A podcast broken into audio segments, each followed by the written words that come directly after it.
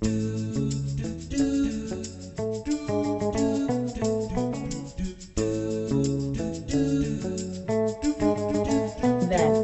till Bokspanarna, en podd från biblioteken i Luleå. Och vi som poddar idag heter Julia. Magnus. Och Sara. Och Det är det, först... Nu pratar vi mun, men det är därför att vi är så ivriga så fort vi får någon ny som kommer hit. Så nu lämnar jag över ordet till dig Sara.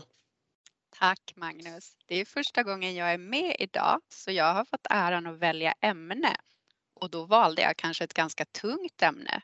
Biografier eller memoarer. Och det kan ju vara tegelstenar. Jag har valt att läsa en bok som heter Hilma af Klint, Mänskligheten kommer att förundras av författaren Julia Voss. Det finns redan en del biografier om Hilma af Klint, men jag vill börja i änden och berätta om eh, författaren till den här nyutkomna biografin. Julia Voss är nämligen en tysk konsthistoriker. Och hon åkte till Sverige 2008 och såg eh, målningar av Hilma af Klint i Stockholm. Och då blev hon så fascinerad så att hon bestämde sig helt enkelt för att lära sig svenska och kunna skriva den här biografin. Och det tycker jag är jättehäftigt. Verkligen att lära sig ett helt nytt språk bara för några tavlor. Det var ju verkligen ambitiöst. Eller hur? Och Hilma af Klint var ju då en svensk konstnär som målade non-figurativt. Hon målade alltså abstrakt istället för liksom porträtt av en fruktskål. Och Hilma gjorde det väldigt tidigt. För tidigt för att få genombrott under sin livstid, särskilt eftersom hon var kvinna. Hon levde mellan 1862 och 1944. Och hon har lämnat 26 000 sidor anteckningar sparade åt eftervärlden och Julia Voss att kunna läsa. Det här är en biografi om en svensk konstnär, men en människa kan väl aldrig tas ur sin kontext eller sammanhang. Så jag tycker att det går lika bra att läsa det här som en roman om att vara konstnär i Sverige. Eller att Eh, identifiera sig som kvinna eller söka sin identitet. Eller att känna väldigt starkt för något som andra föraktar eller bara inte förstår. Det här är en biografi som berör en dramatisk tid och det är en intressant familjehistoria. Och det är ju också en berättelse om en person givetvis, hennes tid, hennes verk och hennes omgivning. Och det som är så spännande varför jag drogs till den här boken är att en väsentlig och avgörande del av Hilma af Klints liv var hennes intresse för och tro på en andevärld. Och det är liksom grunden i hennes konstnärskap. Det lyfts fram väldigt fint i den här boken. När hon var i sena 20-årsåldern så gick Hilma af Klint med i ett sällskap kvinnor som kallades D5. Och deras syfte var att få kontakt med och ta emot budskap från andevärlden. Och så småningom började hon själv ta emot budskap om att utföra astrala målningar. Och jag tänker att oavsett vad jag som läsare tror på gällande okultism eller mediala förmågor eller något sånt där så är det så himla fascinerande att ta del av den här berättelsen om en tålmodig person som liksom ägnar större delen av sitt liv åt att försöka tolka budskap från olika väsen och förstå vilka de här väsen är och ja, vad de vill. Och från 1904 fram till sin död 40 år senare så stod Hilma af Klint visade sig i ständig dialog med sina skyddsandar. Det är väldigt många anteckningar som beskrivs här och bilder där hon liksom försöker förstå. Vad är det här för väsen som kontaktar mig? Vad vill hen att jag ska måla och vilka färger och så vidare. Det är jättehäftigt. Hon ägnade också en del tid åt att forska om naturen och hur den synliga och osynliga världen är sammankopplade. Ehm, det finns ju abstrakt konst en person, en målare som heter Kandinsky som brukar ses som företrädaren för abstrakt konst och att han var först. Men Hilma af Klint var ju faktiskt före honom i tid. Och det är ju lika intressant som frustrerande att läsa den här biografin för det är ju en återspegling av tidens anda för kvinnor. Och det blir som en slags feministisk revidering av modern konsthistoria. Och jag kan säga, jag kan avslöja, Jag kommer aldrig kunna se en tavla av Carl Larsson utan att tänka på vad jag har läst om honom, om hans syn på kvinnor som konstnärer i den här boken. Så det är som en liten teaser. Hilma af Klint fick ju verkligen hanka sig fram och förlita sig på, på vänner och det beskrivs som en konstant kamp för att kunna tjäna pengar på sin konst, vilket hon såklart inte gjorde under sin livstid. Så är det väl ofta. Ehm, tänk och tro så, så himla mycket på sig själv, på sitt uppdrag, så att liksom aldrig ger upp. Det är som en, en stor del i den här boken. Och förutom att hennes målningar var abstrakta och svåra att förstå sig på, så var de, visade sig, enorma, alltså väldigt stora. Så de var ju kostsamma att tillverka, svåra att frakta för en konstnär som vill vara med på utställningar den här tiden. Hon blandade även sin egen äggoljetemperafärg, fick jag lära mig. Och jag vill berätta att bokens fullständiga titel, Hilma af Klint, Mänskligheten kommer att förundras, härstammar från ett uttalande i början av karriären. Då fick Hilma höra av de konstnärer som hon delade ateljé med att hennes målningar bara ansågs helt enkelt olämpliga. Hon skrev i en anteckningsbok att hon eh, uppfattar sina målningar själv som banbrytande och så skriver hon de försök jag gjort kommer att få mänskligheten att förundras. Och visst är det ju så att mänskligheten har förundrats, men mycket långt senare. Och någon gång i slutet av 20-talet, det är ungefär 15 år innan hon dör, så går hon igenom sina dagböcker, brev och anteckningar och bränner upp det mesta. Hon bestämmer att alla hennes målningar ska ligga orörda till 20 år efter hennes död. Och det, liksom, det var det som fick mig att vilja läsa den här boken från början. Hon blev som sagt inte uppskattad av så många under sin livstid och det är ju ofta fallet för konstnärer. Men Moderna Museet i Stockholm har visat en utställning med namn Hilma af Klint abstrakt pionjär, tror jag, något sånt.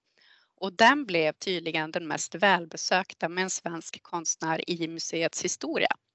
Och sedan dess har ju hennes, värld, hennes verk rest genom hela världen. Så det är liksom en väldigt fascinerande person. Flera dimensioner i hennes konst och hennes liv. Det är ju en biografi. Den är ganska tjock, men det som är så bra med biografier om konstnärer är ju att det såklart är väldigt många foton av målningar, anteckningar, tavlor, allt möjligt och väldigt många fotnoter. Så att jag tycker inte att man be behöver avskräckas av det. Så det är mitt tips. Absolut, hon är, det är ju verkligen ett spännande öde. Hilma av Klint. Och, och målningarna är verkligen fantastiska. Jag har sett den där utställningen. Så att de, de är ju verkligen ofantligt stora. De, de man sett de där som var till templet. Men från ett, ett väldigt spännande kvinnoöde till ett annat. Jag skulle vilja tipsa om biografin Jag vill skriva sant. Tora Dahl och poeterna på Parkvägen av Jesper Högström. Och Tora Dahl är en svensk författare. Hon skrev 29 böcker, de flesta med självbiografiskt innehåll. Hon föddes 1886 och dog 1982. Och hon debuterade först 1935 med boken Generalsgatan när hon var 49 år. Så man har ju tid på sig ännu om man har författardrömmar. Ehm, men Tora Dahl hade skrivit hela livet och mest framgång fick hon med den självbiografiska sviten om Gunborg. Och eh, 1953 vid 67 års ålder så gav hon ut den första boken i den serien som heter Fosterbarn och den blev en stor succé. Och boken Jag vill skriva sant bygger på information från Tora Dahls tidigare hemligstämplade dagböcker. Och hon gifte sig med Knut Jansson 1914 och de var barnlösa. Och under 30-talet så debuterade hon som romanförfattare och hennes man Knut som litteraturkritiker. Och Knut Jansson blev snabbt en, en tongivande kritiker och han introducerade mycket modern europeisk litteratur. Och deras hem blev något av en litterär salong den tidens unga modernistiska författare. Och det är den här tiden med den här litterära salongen som den här boken handlar om. Och det var ungefär, det liksom under 30-talet och början av 40-talet. Och i det här huset och på Parkvägen så tillbringade den tidens unga lovande poeter så vi har Harry Martinsson, Eivind Jonsson, Gunnar Ekelöf, Erik Lindegren och Artur Lundqvist. Och de samtalade och drack och diskuterade och åt och då fick Tora stackaren köra markservice och tillbringa tiden i köket. Så det var som inte att de var kollegor, att, att hennes man Knut han var värden och hon var som husföreståndarinnan, köksan och vaktmästaren i en person. Alltså man får verkligen se hur att männen de tyckte att, att de såg på framtiden och de diskuterade men de, de kunde som ändå inte se att kvinnor kunde vara en del av det. Och eh, det jag tyckte var spännande var liksom medans de här gästerna som var där, de har ju tittat tillbaka på den här tiden med nostalgisk skimmer. Men samtidigt då så pågick det kärleksdrama och litterär dragkamp som blev liksom förblev hemlig så länge. Och under den här tiden så Tora kände sig sedd över axeln och, och männen var, i kretsen var egocentriker som hon tvingades betjäna. Och när hon släppte boken Kamraten 1979 som hamnade om den här tiden, då gick de i taket för de tyckte det stämmer inte alls överens med mina minnen. Och hon anklagades för att svartmåla sin mans minne. Men, men även om hon skrev om den tiden, hon berättade ju inte allt. Och de här dagböckerna var förseglade till 1994. Men just då, då var ingen intresserad för hennes författarskap hade ju sjunkit i relativt glömska. Och då författaren här, Jesper Högström, han ramlade över dem av en tillfällighet när han höll på att göra research över en av herrarna här då, Gunnar Ekelöf. Men han släppte idén på den biografin för tillfället och koncentrerade sig på dagböckerna för han tyckte att här är det verkligen sprängstoff som, som inte fanns med i de memoarer som släppts om den tiden tidigare. Och det gav en ny inblick i Tora Dahls liv under den här tiden. Och det som var speciellt som spännande tycker de så beskriver hon två långa kärleksaffärer hon hade. Med två av de här poeterna som tillbringade tid i hennes hem. Erik Lindegren och Gunnar Ekelöf och ingen har känt till det sedan tidigare. Eh, passionerade relationer som skedde i hemlighet liksom finns bevarade i, i dagböckerna. Äldre kvinna, yngre man, det skedde, skedde mycket under ytan som ingen har någon aning om.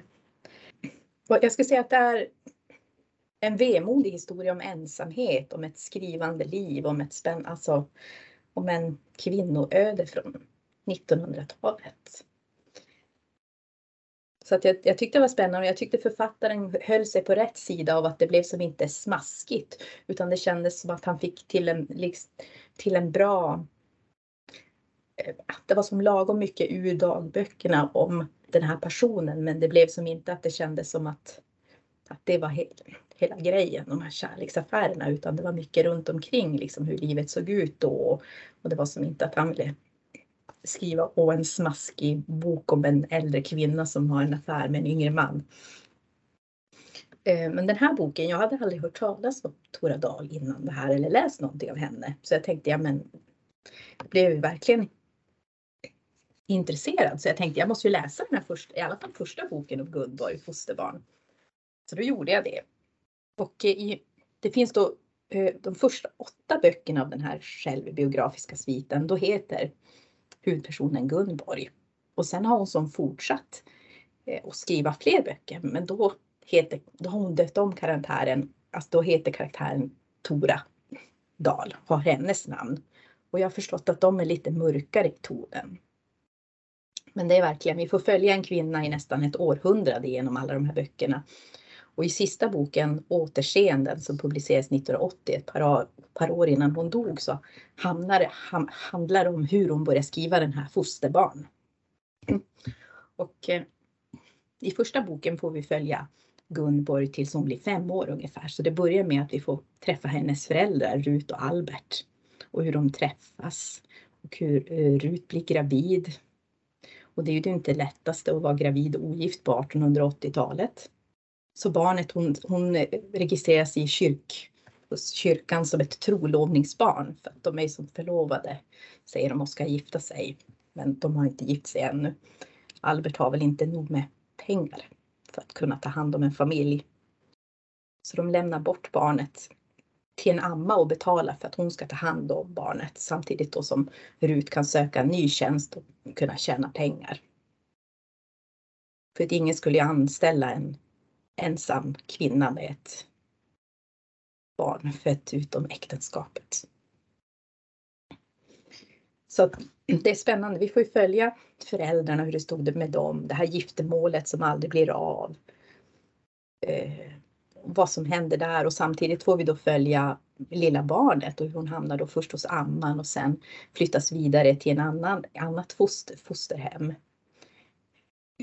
Där, där då den kvinnan där får ju betalt då av, av Rut för att ta hand om hennes barn. Så det är en intressant inblick liksom hur, hur det gick till, kunde gå till på den tiden. Eh, och synen på barn. Det var, vad heter det, barn skulle in, hade ingen talan och det viktigaste var att lyda var det för barnen. Så jag, jag tyckte att det var, även om den, den kom ju 1954 publiceras den.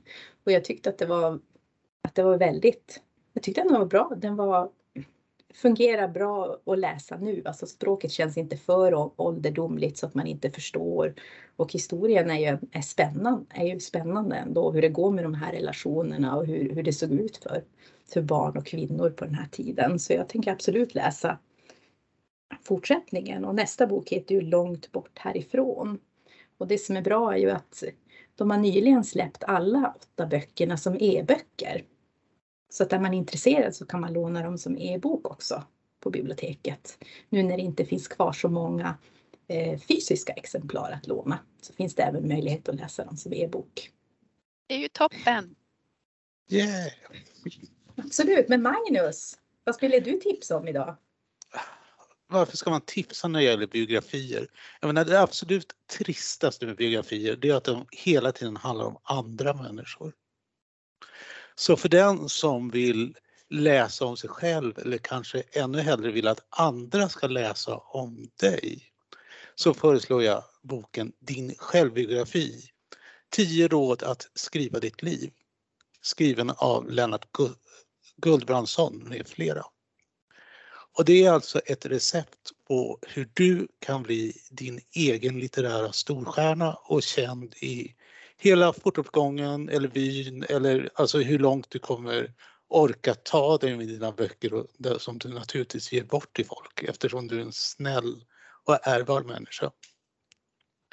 Och boken är indelad då i tio olika avsnitt och där varje avsnitt är ett råd. Och man får alltså följa boken om man säger från ax till kaka eller från ax till distribution. Och det första rådet, det är också det värsta. Det är sätt igång. Och det är så hemskt därför det kan jag säga av egen erfarenhet, det är mycket lättare att gå runt och längta efter att skriva än att faktiskt börja och göra det. Men om man aldrig börjar, då blir det ju aldrig någon text heller. Andra rådet det är att man ska ha ett speciellt ställe att sitta på. Man ska utveckla vanor, alltså så att man börjar skriva. Helst ska man ha liksom såna här skrivarkläder så när man tar på sig dem så känner man okej, okay, nu kan jag bara skriva, inget annat. Eh, tredje rådet är också att man faktiskt ska sluta titta på TV. Och det låter ju jättehemskt. Men det är ju så att om man arbetar heltid, man har barn, så räcker inte tiden till om man ska skriva också. Och det är faktiskt bättre att eh, sluta titta på TV eller liksom så här eh, uppmärksamhetssurfning på nätet än att man slutar med långpromenader eller umgås med barnen. För tiden behöver man ju och det måste tas någonstans ifrån. Vad jag inte har tänkt på när det gäller att skriva det är hur mycket man skriver som egentligen inte är kopplat till själva berättelsen. De föreslår att man ska ha en skrivdagbok. Alltså man skriver en dagbok om skrivandet. De tycker också att man ska göra research, alltså att man faktiskt inte bara ska skriva det man eh, kommer ihåg eller vad man tycker om sig själv utan att man ska intervjua folk som känner en. Och sen är det editerandet. Deras råd är att att först skriver man bara ner allt man kommer ihåg.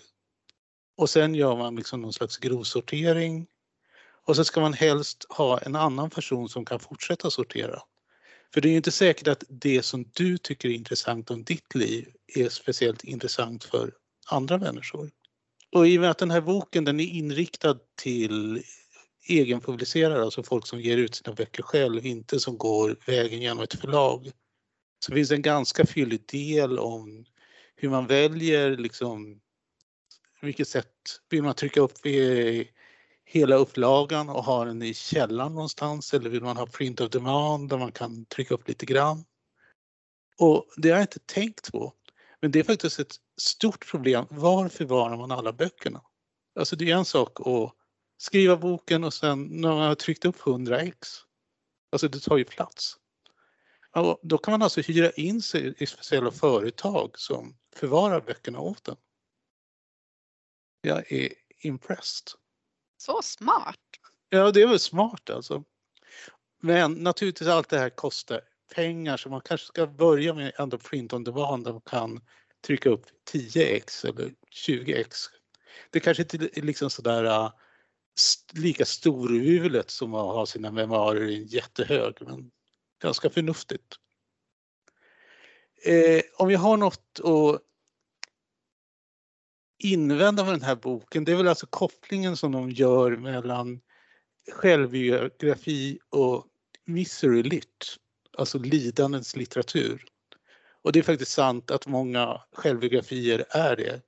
Det handlar om cancer, det handlar om övergrepp, vilket jag själv har varit med om. Inte övergrepp, men när jag var på Heathrow så hamnade jag och gick i bokaffären så hamnade jag framför en hylla som var fylld med böcker med små barn på och alla hette Daddy don't do it. Det var extremt traumatiskt måste jag säga. Jag har inte läst biografier på flera år efter det. Men det kanske blir snällare biografier.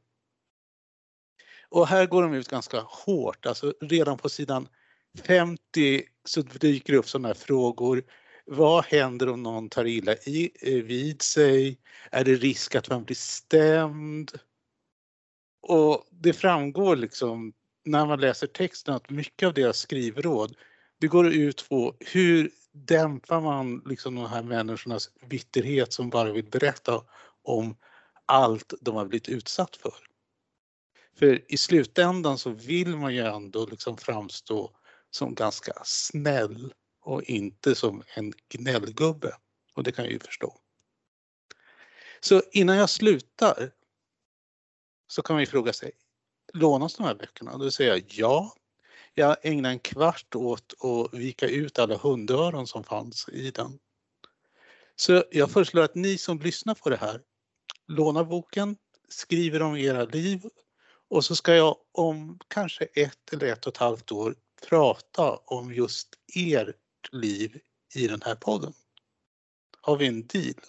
Åh, så spännande. Magnus. Vi, vi, får inte recensera din biografi någon gång snart då? Eh, jag insåg, det finns en eh, sådär 30 frågor som de har satt upp som man ska fylla i. Och det är ett sätt att liksom få sånt där grundmaterial. Och jag vill inte svara på hälften av dem så jag tror inte att det blir något. Och så är det roligare att skriva om kaniner. Absolut. Men då ska jag berätta att jag tipsade om Jag vill skriva sant, Tora Dahl och poeterna på Parkvägen av Jesper Högström och Fosterbarn av Tora Dahl.